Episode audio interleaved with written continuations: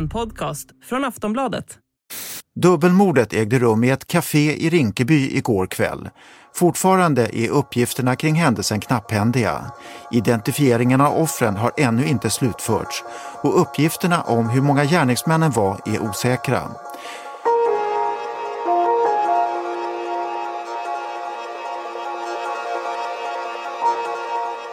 Den 2 december 2016 skjuts två bröder ihjäl på Mynta Café i Rinkeby. Morden är bland de första i den mångåriga våldsspiral som kommer skaka Järvafältet i nordvästra Stockholm. Nu, mer än fem år senare, har flera tiotals liv gått förlorade. Gängkonflikterna som präglat området har generationsväxlat. Flera av de äldre har dött eller hamnat i fängelse och nya grupper unga män har tagit vid.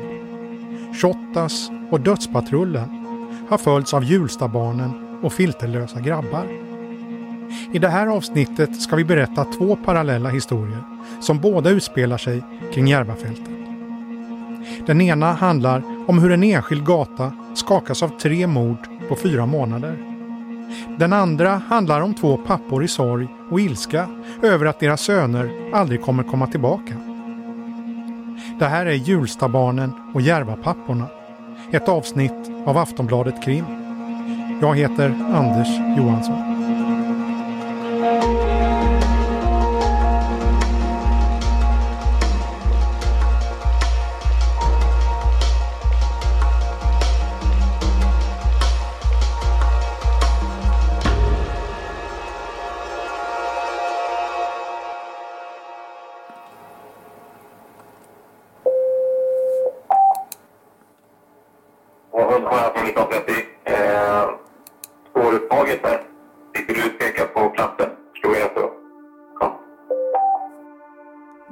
Avsnittet börjar vi i en polishelikopter som hovrar över nordvästra Stockholm. Det är natten mellan den 31 maj och den 1 juni 2021. Klockan är strax efter 12. På 39 30. Var det svaret att det var från brottsplatsen 20 meter? Ja. Ja, men 20 till centimeter. Jag vet inte exakt nu, men där någonstans. Ljudet vi hör kommer från ett klipp som är filmat från helikoptern. Rösterna som hörs är kommunikationen mellan polis på marken och de som är uppe i luften. Både de som cirkulerar där uppe och de på marken letar efter något. Ja, en 20 meter kanske. Runt eh, gaveln på första, första kåken, så att säga. På bilderna som filmats från helikoptern syns rörelser på marken. Eftersom det är natt är det hela filmat med värmekameran. Det är ett bostadsområde, längor med trevåningshus. Runt en parkering har bilar och människor samlats. Personerna ser ut som självlysande figurer. Det går också att urskilja flera bilar parkerade, huller om buller. På en av bilarna går det tydligt att utläsa bokstäver som bildar ordet polis. Då är min bild helt fel, för du är ungefär 260 meter från brottsplatsen nu. Det är svårt att höra exakt vad som sägs mellan dem i luften och de som är på marken. En del av kontakten går mellan helikoptern och en hundförare som rör sig i området på jakt efter någonting. Ja, det stämmer nu ja. Men eh, jag menar där spårupptaget var, var cirka 20 till 50 meter från där han låg. Och nu är jag väl säkert närmare 300 därifrån. Helikoptern filmar längs en gångväg, ut mot ett grönområde och sen tillbaka mot parkeringen igen. Värmekameran gör att det går att identifiera flera kroppar. Personer som till synes står och pratar i klungor. Några meter ifrån en klunga syns något som vid en första anblick ser ut som en människa som ligger på marken. Men här lyser det inte i värmekamerans bild. Polisens anteckningar från materialet berättar vad vi ser på filmen. De skriver Det på bilden mörka som syns ligga på marken vid platsen där målsägaren anträffas är målsägarens kläder, vilka klippts upp av ambulans polispersonal. Den 28-årige man som bara några minuter tidigare legat där hans kläder nu ligger kvar är en av fyra personer som skjutits på samma gata inom loppet av några månader. Fyra skjutna vid tre tillfällen, en svårt skadad och tre döda.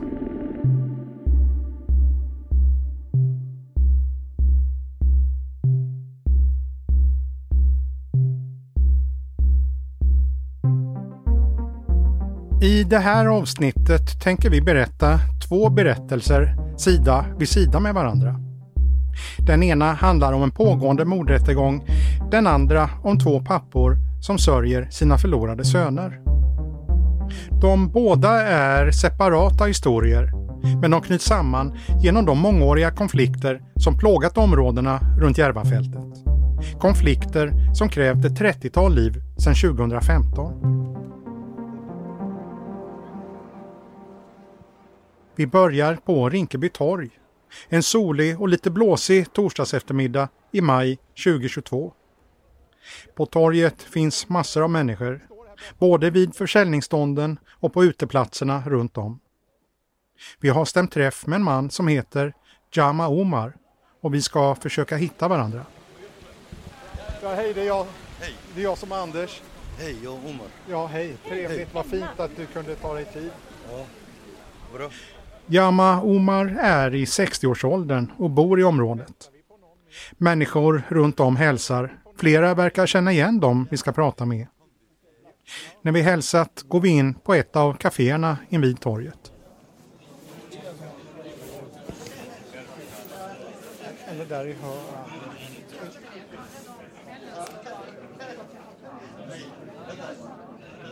Vi sätter oss ner och Jama Omar berättar. Han förlorade sin 21-årige son i augusti förra året. Jama Omar berättar att han själv var polisinspektör innan han kom till Sverige från Somalia. Han kan svenska men vill nu helst att vi använder en tolk. När vi pratat ett tag förklarar Jama Omar att han inte vill säga så mycket om mordet på sin son. Han har pratat tillräckligt mycket tycker han. Men han har mycket åsikter om våldet som präglat Järvafältet och stadsdelarna runt omkring de senaste åren. Eh, vi anser att vi som bor här i det här området vi är inte lika mycket värde som de andra som bor i andra orter i Sverige, i Stockholm. Och vi är inte lika mycket värde när det gäller lagen. Jag har träffat eh, interiörministern waxaan la kulmay wasiirka cadaaladda. Justice minister oo hanaas taleefada waxaan la kulmay oo klogarayaasha naagta ugu sarreysa gabadha ugu sarreysa. Oo han har träffat chefen för åklagarmyndigheten waxaan la kulmay booliiska deegaanka ninka ugu sarreeya. Chefen för polisområdet polisområdet här i området här i Rinkeby. waxaan weydiiyey war yaa mas-uulka waxa dhacaya mas-uuliyadda amniga yaa iskale Jag har ställt samma frågor för alla. Vem är ansvariga på alla de här händelserna som händer i det här området? wax caddayn isiiya annagaa ka mas-uula ama qoladaasa ka mas-uula wax caddayn isiiya waa waay Tyvärr, han har inte fått någon svar. Ett av problemen som Jama Omar återkommer till i vårt samtal är att han upplever att ingen lyssnar på honom och de andra när de berättar om problemen i Järva. Att han vänt sig till ministrar, polischefer och åklagare men att de inte verkar ha tid. Men vi har kommit ett land som vi tänkte att vi skulle känna tryck, vi skulle känna bra. Men däremot vi har fått massa andra negativa attityder från samhället. Till exempel att vårt barn dör här. Till exempel vi har blivit diskriminerade på hudfärgen eller religion. Alla de här sakerna vi upplever. Och hur tänkte ni att vi ska leva här? En annan sak som Jama Omar vill lyfta fram är att nästan inga av de många morden kring Järvafältet klaras upp. Vid en avstämning förra året hade bara ett enda av de 17 mord som begåtts i Järvaområdet sedan 2018 klarats upp. Även mordet på Jama Omars son är olöst. Något som gör smärtan extra svår. När vi pratar berättar han om ilskan över att morden är ouppklarade att han känner att myndigheterna inte försöker lösa problemen som leder till att ungdomar dödas. Jag ska meddela till folket att vad har vi haft? Vi har haft redan. Och det är vi som känner hur ont det är. Men jag vill bara säga till folket wax kale hadda ma awoodno in dib kale aan ku sii joogno waxbaanu garanaynaa ma awoodno Så vi kan inte fortsätta med den och vi kan inte klara på den här situationen. Vi är människor, vi förstår alla. Vi bara... Ja, vi kan inte ta längre på den här situationen.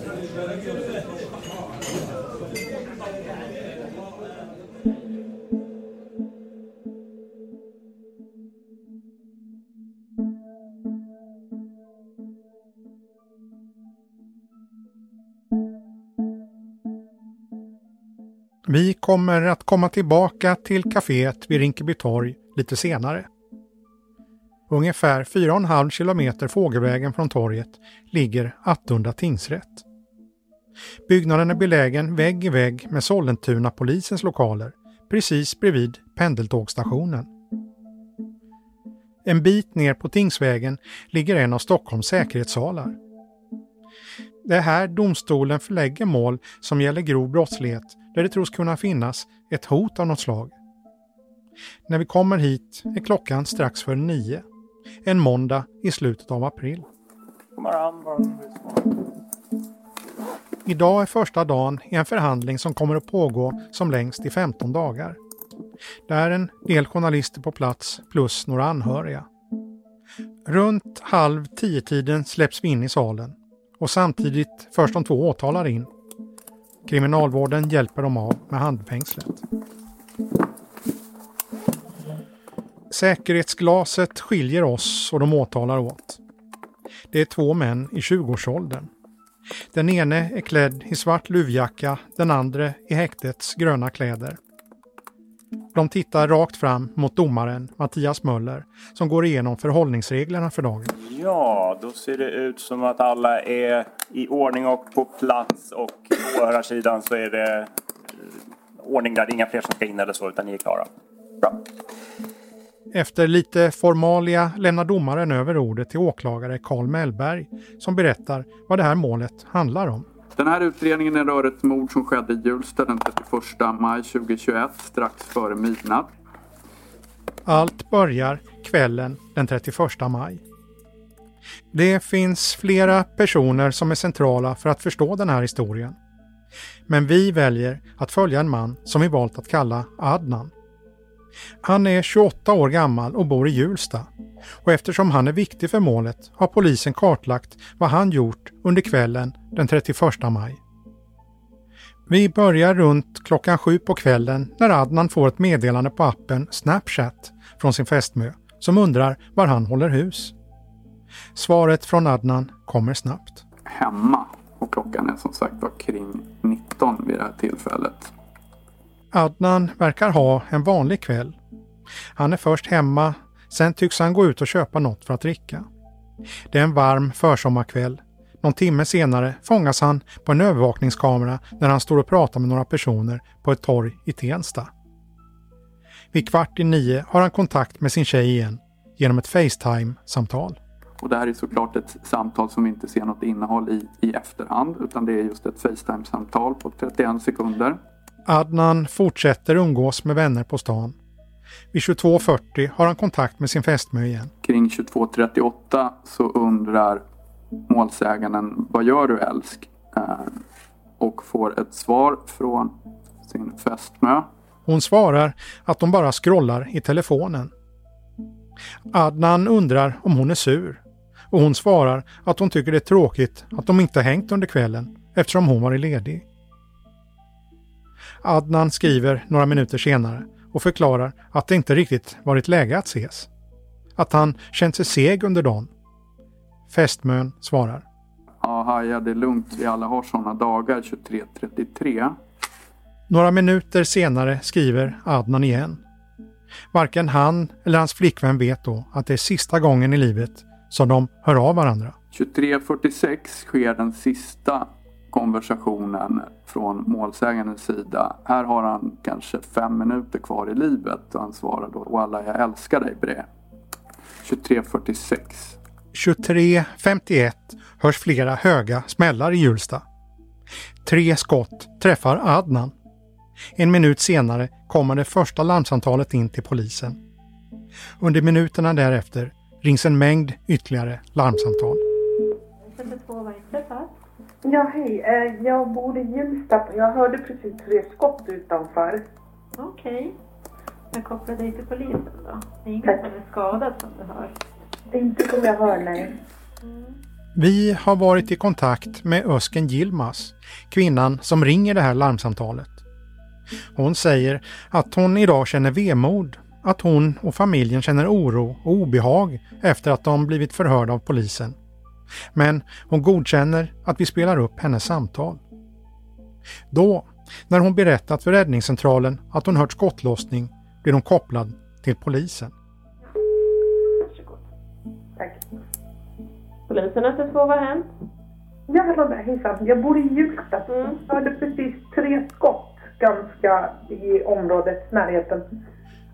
Ösken har svårt att lokalisera var skotten kommit ifrån. Det behöver inte ha varit precis utanför. Det är natt så det ekar ju ganska mycket men det lät väldigt nära. Tre minuter efter det första larmsamtalet inleds polisinsatsen. De första patrullerna på plats konstaterar att en man blivit skjuten i halsen och att det är lugnt på platsen. Polisen påbörjar hjärt och lungräddning tills ambulans kommer på plats. Adnan förs till Nya Karolinska med ambulanshelikopter men konstaterar senare var avliden. Han var vid tidpunkten för sin död 28 år gammal. Han hade syskon, föräldrar och en flickvän som bodde i omedelbar närhet till brottsplatsen. Hans bror var en av de första som var framme vid efter det att han hade skjutit så han var också kvar på platsen till dess att polis anlände. På brottsplatsen inleds polisinsatsen omedelbart. Det finns initiala uppgifter om att några ska ha sprungit iväg från platsen, men signalementen är vaga. Ingen person greps på eller i anslutning till den här brottsplatsen. I anslutning till brottet gjordes emellertid två fynd av en hundpatrull som ledde utredningen närmare gärningsmännen. Ja, genombrottet ska komma snabbt. Bara några hundra meter från brottsplatsen hittas en påse med kläder och några hundra meter till bortåt hittas en pistol. De här fynden ska enligt polisen vara helt avgörande för vad som ska hända framöver i fallet.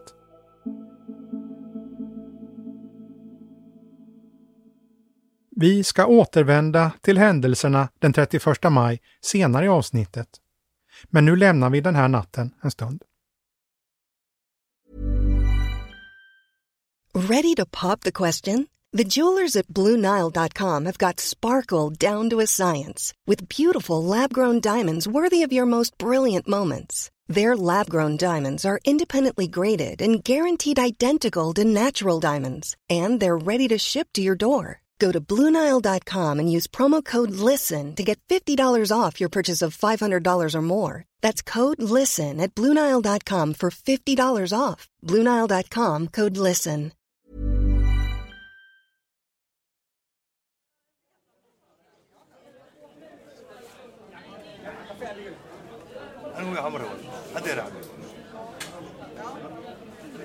På Rinkeby torg har klockan blivit kvart över tre. Vi sitter kvar med pappa Jama Omar som förlorade sin son i augusti. Han har berättat om hur arg han är på att det inte känns som att någon lyssnar på honom när han vänder sig till myndigheterna. Och om hur arg han blir varje gång han läser Aftonbladet och ser att ännu en ung man dött och att offret beskrivs som en gängkriminell. Han menar att det inte alltid stämmer. Bredvid Jamma Omar sitter Aden Warsame Elmi. Han bor också runt Järvafältet och han och Jamma Omars situationer är väldigt lika varandra. För Aden hade gått lite mer än fem år sedan han fick beskedet att hans två söner skjutits ihjäl på ett kafé i Rinkeby. Än idag är mordet olöst. Det är beklagligt faktiskt att det är obehagligt att man går genom sådana situationer, att förlora barnen, sina barn. Och man inte fått even någon typ av vad heter, ersättning för barnen. Jag har inte fått någonting. Och jag har inte fått heller rättsliga systemet att den som har mördat ska förtjänas sin straff. Så det betyder att jag har inte fått någonting, det är noll. Aden Warsame berättar att han försökt anlita jurister själv för att få processen att gå framåt. Men han har gett upp. Han känner precis som Jamma Omar att det är hopplöst. Att ingen hjälper till. Jag har försökt att få en advokat, jurister. Att fick jag ingenting. Det är en andra gången jag har satsat, satsat på en advokat igen. Jag fick ingenting. Tredje jag gjorde den, jag fick ingenting. Sista, jag tänkte själva att jag ska inte hamna i situationen och jag måste bara tänka på min hälsa. Att låta, låta den här situationen hur det är. Det finns ingen som hjälper till. Adem Varsame säger att han håller med Jama Omar vad han säger. De båda uttrycker ofta en ilska över situationen runt Järvafältet. Men de växlar också med att beskriva ett hopp om förändring. Jag vill säga sista i alla fall. Sverige det är ett bra land och jag vill gärna att Sverige ska tänka om. Att deras system ska fungera lika mycket som andra länderna som tagit emot flyktingar. Och jag hoppas att vi ska känna tryck och de andra som finns bakom oss ska känna tryck samma som andra länderna.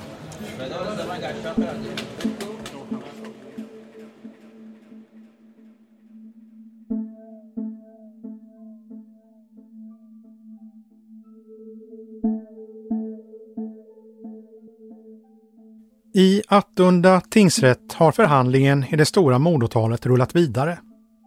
När vi lämnade rättegången senast var det i slutet av april. Drygt två veckor senare är vi tillbaka igen. Och sen sist har det hänt en hel del.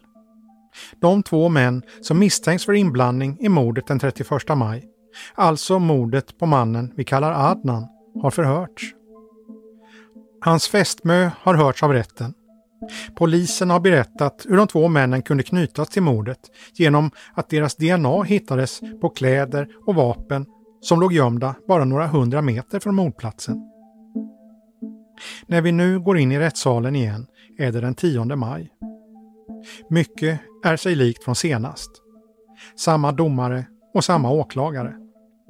Men den här gången handlar det inte om mordet på Adnan den 31 maj, utan om flera andra händelser som utspelar sig den 29 och 30 augusti 2021.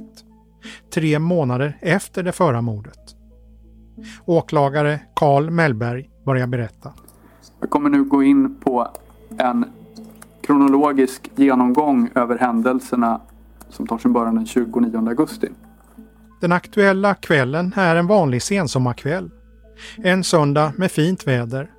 Folk är ute och grillar. Några åker på elsparkcyklar. Sommarlovet har nyss tagit slut. Klockan kvart över åtta smäller det i Tensta. Man får in SOS-samtal om skottlossning kring klockan 20.15 den aktuella kvällen varvid polisen beordrats till platsen två minuter senare. När polisen kommer till platsen visar det sig att ingen har träffats av skotten. En av kulorna har tagit i en öppen bildörr. En annan sitter i en vindruta på en parkerad lastbil en bit bort. Under timmarna som följer tycks lugnet lägga sig i Tensta. Men under ytan bubblar det. Enligt polisens utredning är det medlemmar i ett kriminellt nätverk som varit måltavlor för skjutningen. Och nätverket tror sig veta vilka som ligger bakom. Dessa personer är av uppfattningen att skjutningen klockan 20.15 den 29 augusti har genomförts av medlemmar ur det kriminella nätverket Hjulstabarnen eller Dödspatrullen. Vi ska återkomma lite mer till vilka de här kriminella gängen är. Men just nu räcker det med att veta att några i ett nätverk i Tensta anser sig ha blivit beskjutna av ett annat nätverk i Hjulsta. Under kvällen råder febril aktivitet i det beskjutna nätverket. Enligt åklagaren har de utpekade medlemmarna tät kontakt med varandra och åker taxi fram och tillbaka i stan. Strax efter 12 ger sig två av de utpekade medlemmarna iväg på varsin sparkcykel. De åker mot en adress i Hjulsta. Man beger sig dit i syfte att hämnas. Enligt åklagaren är de beväpnade och åker dit för att döda. Men det går inte som de tänkt sig. I samband med denna tänkta hämnd så beskjuts från medlemmar i det kriminella nätverket Dödspatrullen Hjulstabarnen. Klockan är strax efter halv tre på natten när skotten ekar på innergården i Hjulsta. Då inkommer samtal till SOS med anledning av skottlossning. Det här framgår på sidan 353. Under de följande minuterna rings en mängd samtal till polisen. I de här samtalen så framkommer bland annat att personer låg på innergården och att någon ska ha sprungit från platsen. I ett av de första samtalen berättar inringaren att hon ser någon som ligger under ett träd på innergården. Polisen svarar. Det ligger killar under träden. Inringaren berättar att de ser att en av de två männen rör sig. Någon sekund senare ser hon hur blodigt det är på platsen. Polisen igen. Ja, ja. Du behöver, du behöver inte kolla på det. Någon minut senare kommer den första polispatrullen på plats. Den ene av de två männen är livlös. Den andra är skjuten i huvudet. Döende men talbar. Polisen ser att han är klädd i skottsäker väst och frågar först vem det var som gjorde det, vad det var som hände. Och snart börjar de fråga vad han egentligen gör där. Och efter enträgna frågor namnger han till sist en person som han säger att han och de andra skulle döda. En ledarfigur i nätverket Hjulstabarnen. Kort senare griper polisen flera personer i det utpekade nätverket.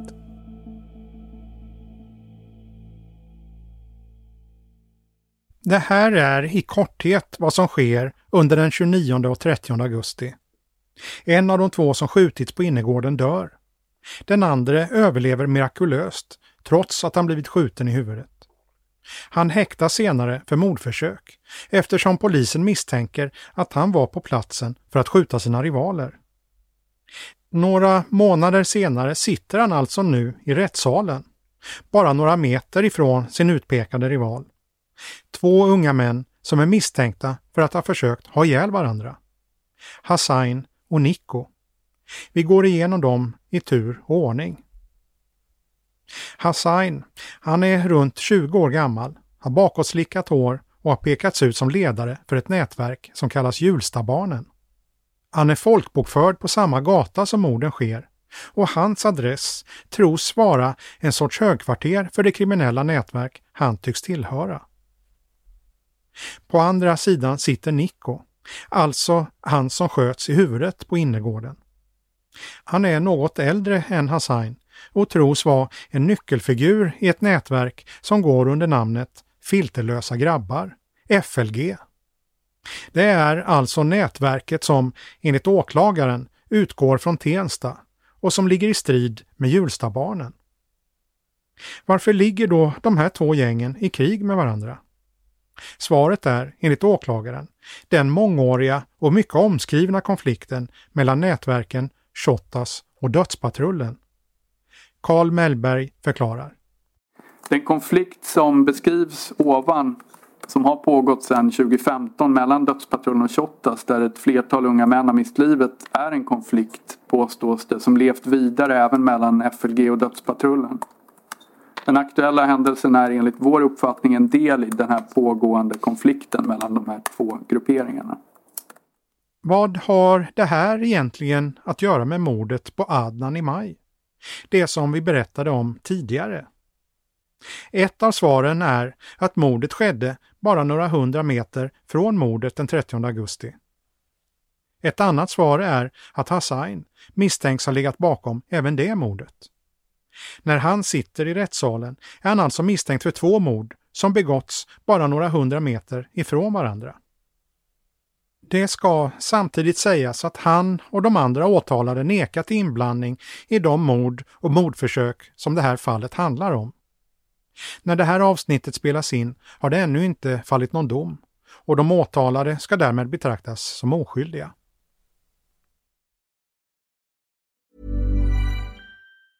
Ruby Frankie was known by millions as a very tough mom. That's exactly the way she wanted it. The social media star amassed a huge following of supporters and detractors alike, preaching the values of strict discipline. But you'll learn in a new podcast available exclusively on Wondery Plus how the small empire built by this momfluencer crumbled the moment her 12-year-old son escaped their home and called 911. Wondery and Law and Crime bring you the new podcast The Rise and Fall of Ruby Frankie, which explores the allegations of starvation, torture, and emotional abuse leveled against Frankie and her business partner, Jody Hildebrandt. Learn about the family's path to stardom, the depravity investigators uncovered inside the home, and hear in depth analysis of the ongoing criminal trial. Listen to the rise and fall of Ruby Frankie exclusively and ad free on Wondery Plus. Join Wondery Plus in the Wondery app or on Apple Podcasts.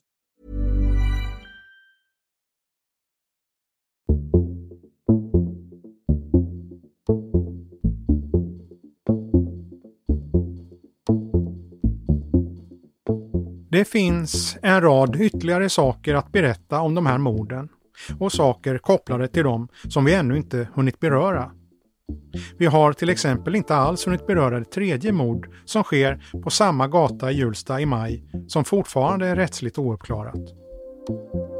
Vi har inte hunnit berätta någonting om de andra personer som misstänks vara inblandade vid morden och hur deras kopplingar till de olika gängen ser ut. Inte heller har vi berört det faktum att polisen förhörde den man som nyss blivit skjuten rakt genom huvudet. Ett förhör som hans advokat är starkt kritisk till. Men kanske är inte det det viktiga här. Kanske är det mest centrala att ytterligare två unga män har dött i skjutningar på Järva som bara tycks fortsätta. Samma sorts våld som berövade Aden Barsame två söner och Yama Omar sin enda son. Eftersom åtta av tio dödsskjutningar förblir ouppklarade är det inte utrett vad som kan vara det egentliga motivet i många av de här fallen. Men en del av dem kopplas av polisen till kriminella nätverk. De involverade i gängen har nya namn, kallar sina gäng nya saker. Men resultatet är detsamma. Fler mammor och pappor som får begrava sina barn. Går det att bryta den här våldsspiralen? Vad behöver göras i så fall? En som försökt närma sig den här frågan är Mia Maria Magnusson, Sveriges första polisdoktor som arbetat med ett projekt där målet är att förutse skjutningar. Genom att dela in Stockholmsområdet i rutor på 250 x 250 meter och därefter kombinera brottsdata med faktorer som bland annat trångboddhet, ålder och etnisk bakgrund skapade hon en modell för att se om det gick att spå var 2021 års skjutningar skulle ske.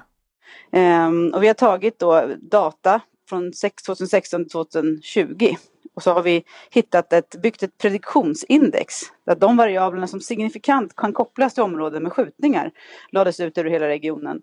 Och det här indexet bygger väl upp så att det finns liksom lite risk, hö, mellanrisk och väldigt hög risk för skjutningar.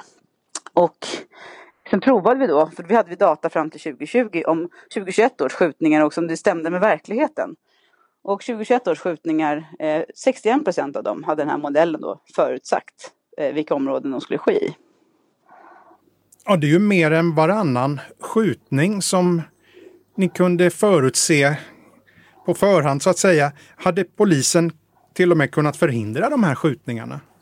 Nej, inte säkert förhindra, men polisen hade kunnat rikta sina resurser mer specifikt till rätt platser och, och med allra högst risk då kan man väl säga och även styra sin samverkan mer precis. Hur kan din forskning användas i praktiken? Ni var inne på det här att styra resurser. Ja, men min forskning kan ju för det första då öka kunskapen om problem med, med öppna drogscener och samband med olika brottsproblem men också skjutningar. Men också ligga till grund för då framförallt prioriteringar för vilka platser som man ska lägga insatser för och samverka på.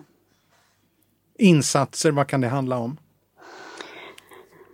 Ja, men det är ju allt, det är allt ifrån, jag skulle säga huvudsakligen närvaro. Var ska polisen vara? I vilka små områden? För man kan inte vara i hela bostadsområden eller inte ens i hela utsatta områden eh, på, på, med närvaro på det sättet. Den här är att specificera mycket mer på mikronivå vilka platser polisen ska vara närvaro i. Och binda kontakter i och skapa liksom en kedja med andra sam, samverkanspartner i. Det kan vara liksom i några kvarter. Mia Maria Magnusson känner till de tre skjutningarna som skett på samma gata i Hjulsta 2021. Där ingår alltså två av skjutningarna som vi berättat om i det här avsnittet.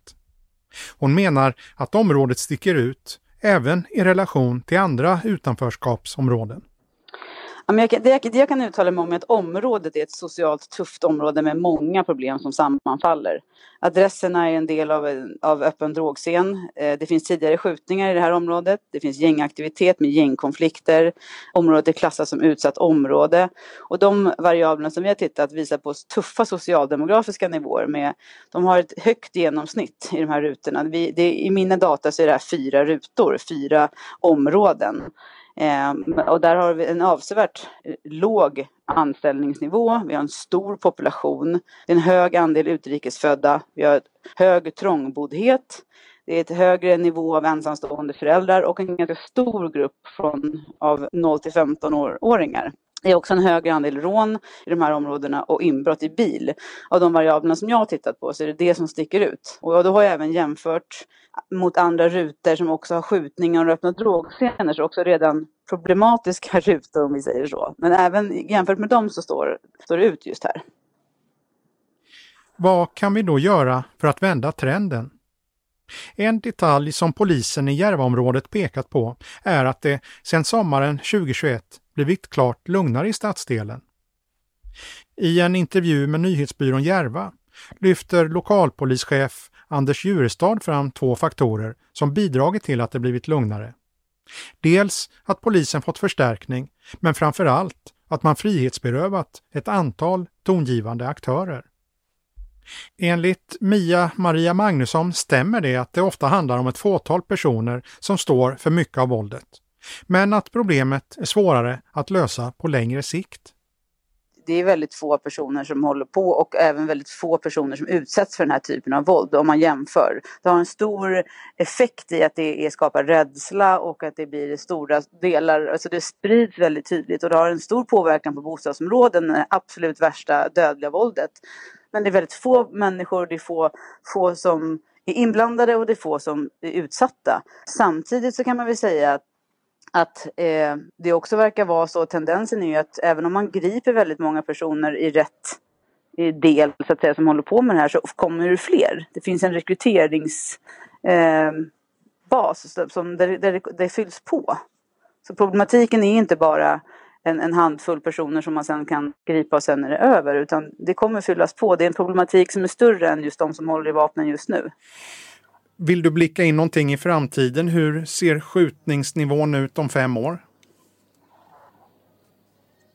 Ja, men man, jag är positivt lagd och det är klart att den kommer se bättre ut om fem år. Eh, och det finns ju, man, hur vi än väljer att titta på det så vet vi att vi också kopplar samman till andra trender som är liksom större än, än bara Sverige.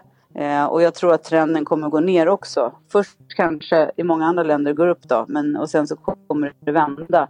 Men jag tror att om fem år så har vi bättre, bättre och vi, förhoppningsvis har vi mindre koncentration av problem. Det är det som är problemet. Att vi har så många saker som koncentrerar sig på ett ställe. Och mycket eh, problem och de områden som är lite fattigare. Och så har vi avsaknad av skyddsfaktorer. Det är också där vi har, det skapar ju mer problem. Så det är liksom problemgeneration, generering på de här platserna. Så vi ska se till att om fem år kommer det inte få vara lika mycket koncentration av de här problemen. Det är förhoppningen.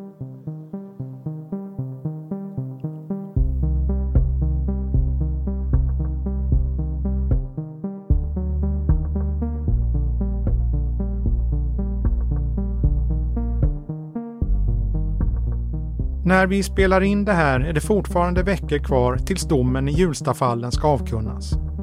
Det tål att påpekas igen att de åtalade ska betraktas som oskyldiga. På Rinkeby torg har klockan blivit fyra. Vi har pratat i mer än en timme med Jama Omar och Aden Warsame. Vi åkte hit för att träffa de närmast drabbade och höra deras tankar.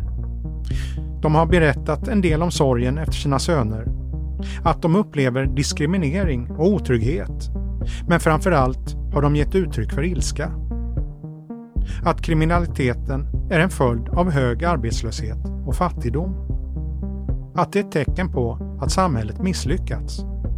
Jama Omar berättar hur han ser på det. Gängkriminalitet.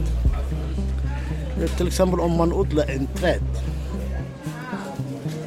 så förväntar man att få frukt, en äppelträd. Och den här kriminaliteten, att det är någonting som de odlar själva. Det är inte vi som har odlat, det är som har odlat själva. Det är systemet som har odlat.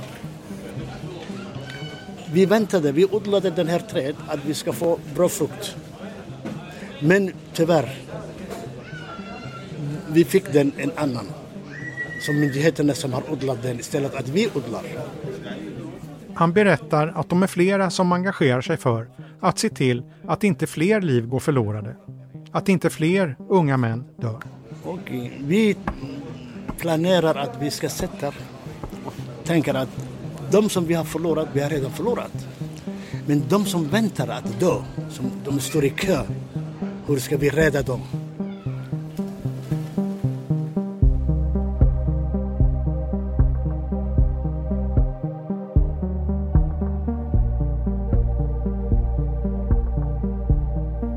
Har lyssnat på ett avsnitt av podden Aftonbladet Krim. Klippen i avsnittet kommer från Sveriges Radio. Hassain och Nico, de två män som åtalas för mord och mordförsök, heter egentligen någonting annat. Jag heter Anders Johansson. Producent var Marcus Ulfsand.